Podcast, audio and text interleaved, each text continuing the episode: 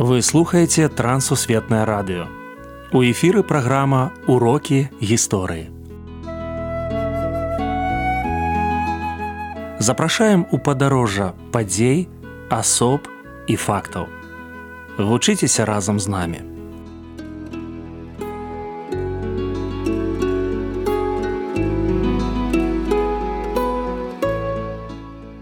Добры дзень сябры. Ля мікрафона сяржук брышцель і кандыдат гістарычных навук Андрусь унучак. Сёння мы пагаворым пра кірылу тураўскага. Прывітанне Андрусь. Прывітанне сяржук. Прывітанне шаноўныя слухачы. Прадстаўце калі ласка нашага гістарычнага госця. Наш гістарычны госць гэта чалавек, які быў тураўскім епіскапам епіскапам горада турова наш гістарычны госць это чалавек які пакінуў пропаведзі запісаныя пасля сябе і пакінуў евангеля тураўская евангеля да якога ён меў дачынення самая старажытная рукапісная кніга беларусі. Увогуле можемм сказаць што самая старажытная беларуская кніга. Вось менавіта пра гэта чалавека мы сёння паговорым. Раскажыце калі ласка пра яго царкоўную грамадскую і літаратурную дзейнасць вельмі цікава што ён нарадзіўся ў заможнай сям'і. Відавочна ягоныя бацькі былі людзьмі якія належалі да арыстакраты да гарадской знаці.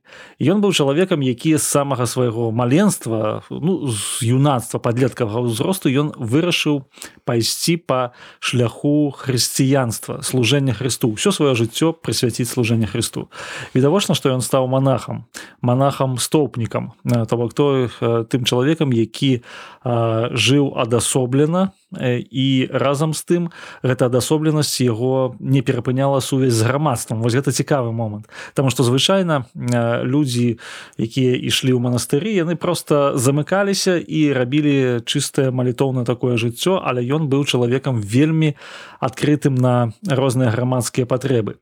І менавіта таму дзякуючы падтрымцы князя Юрія Ярославовича. Ён стаў адным з кіраўніком царквы у тураве. Ён быў чалавекам які таксама рабіў вельмі шмат для таго каб хрысціянства распаўсюдзілася. Ягоныя пропаведзі запісаныя яны дайшлі до нас словы кірылы тураўскага і гэта показывае гэта сведчыць пра тое что гэта было не адна копія. Можа быть гэта десяткі копіяў былі калі з 12 стагоддзя ён жыў у 12 стагоддзі mm -hmm. яны дайшлі до сучаснага чытача. А, плюс ён быў чалавекам які быў вельмі выразным таким прыхільнікам такой скажем царквы якая ёсць аўтаномнай ад дзяржавы. І разам з тым царквы якая блізкая да грамадства біблійнай царквы і ён удзельнічаў у палеміках розных над роляй царквы у грамадстве вось у тураўскім княстве. Ён быў прыхільнікам незалежнасці тураўскага княства. Дарэчы пры ягоным жыцці гэта і адбылося.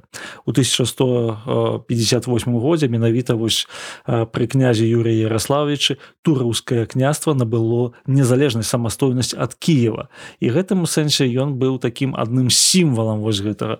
Ён канешне быў чалавекам які пакінуў пасля сябе вельмі добрую памяць і вельмі багатую пісьмовую спадчыну. Андрусь наколькі актуальным у словах і справах быў кірыла тураўскі для таго часу яго безумоўна параўноўвалі з айцамі царквы. То бок ён напісаў вось гэтыя словы на самыя розныя прынагодныя сітуацыі. Ён адказваў на тыя пытанні якія былі актуальныя на той момант для грамадства. Таму што пытанне хрысціянства гэта было пытанне толькі вузкай праслойкі гарадскога насельніцтва. Вялікая частка яшчэ грамадства яна не была хрысціянскай. І таму ён даносіў сапраўды вось гэтыя свае пропаведзі праз пісьмо і відавочна прапаведаваў таксама на вялікія царкоўныя святы. Ён валодаў мастацтвам рыторыкі, мастацтвам данясення сваіх ідэяў.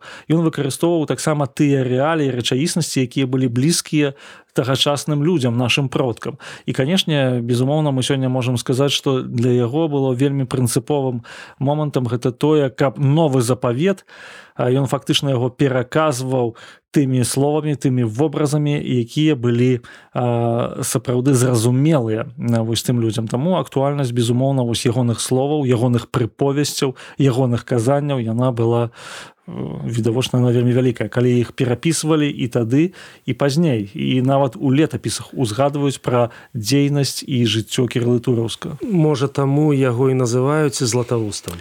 Так вось менавіта яго параўноўвалі з янам златавусным айцом царквы і вялікім рытарам вялікім красамоўцам. Ён займаўся эфірам.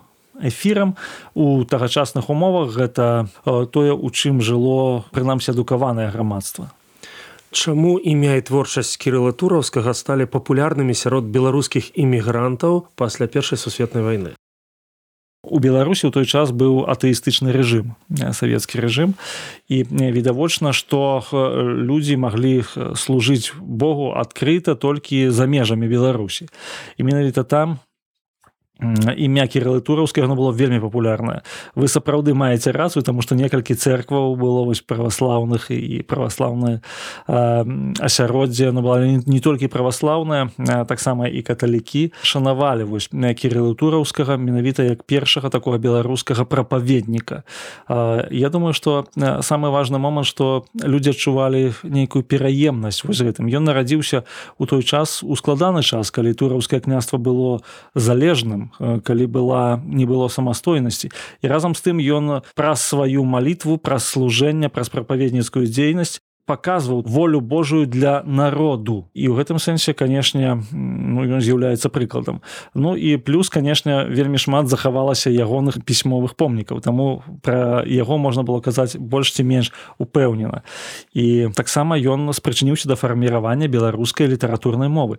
Цікава што ў ягоных казаннях ужо ёсць асаблівасці менавіта стара беларускай мовы. а конечно пісаў на царкоўна-славянскай але стара-беларуская мова ўжо ну гэта такі скажем папярэднік францыска скарыны Андрусь ну прыклады жыцця і вучэння годныя для пераймання. Ён быў чалавекам рашэння. Відавочна што ў нейкі перыяд яго можа быць яму было 14-15 гадоў ён прыняў для сябе рашэння і быў верным яму ўсё сваё жыццё вось гэта рашэнне якое вызначыла ягоны шлях царкоўны што ён быў чалавекам царквы. Ён быў чалавекам грамадства.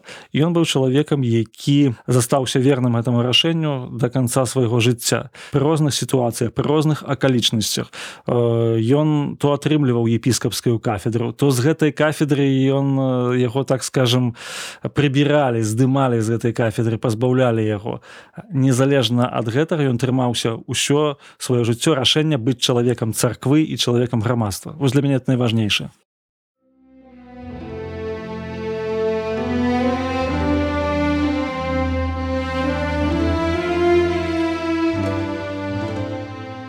Нядаўна мы з сям'ёй былі недалёка ад горада Турава.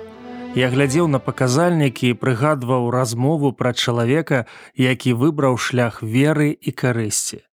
Хрысціянін вырашыў быць у гушчы падзей, стаць голасам царквы для грамадства.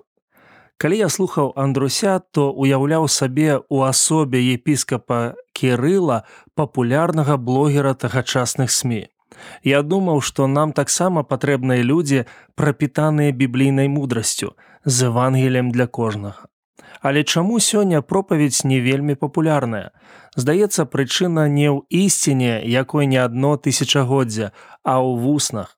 Можа, прапаведнікі дзесьці на дарозе ад царквы Христовай да сэрца чалавечага згубілі прыгажосць біблійнага сэнсу і актуальнасць вобразаў іх трэба абавязкова вяртаць пры дапамозе людзей рашэння, людзей царквы і людзей грамадства.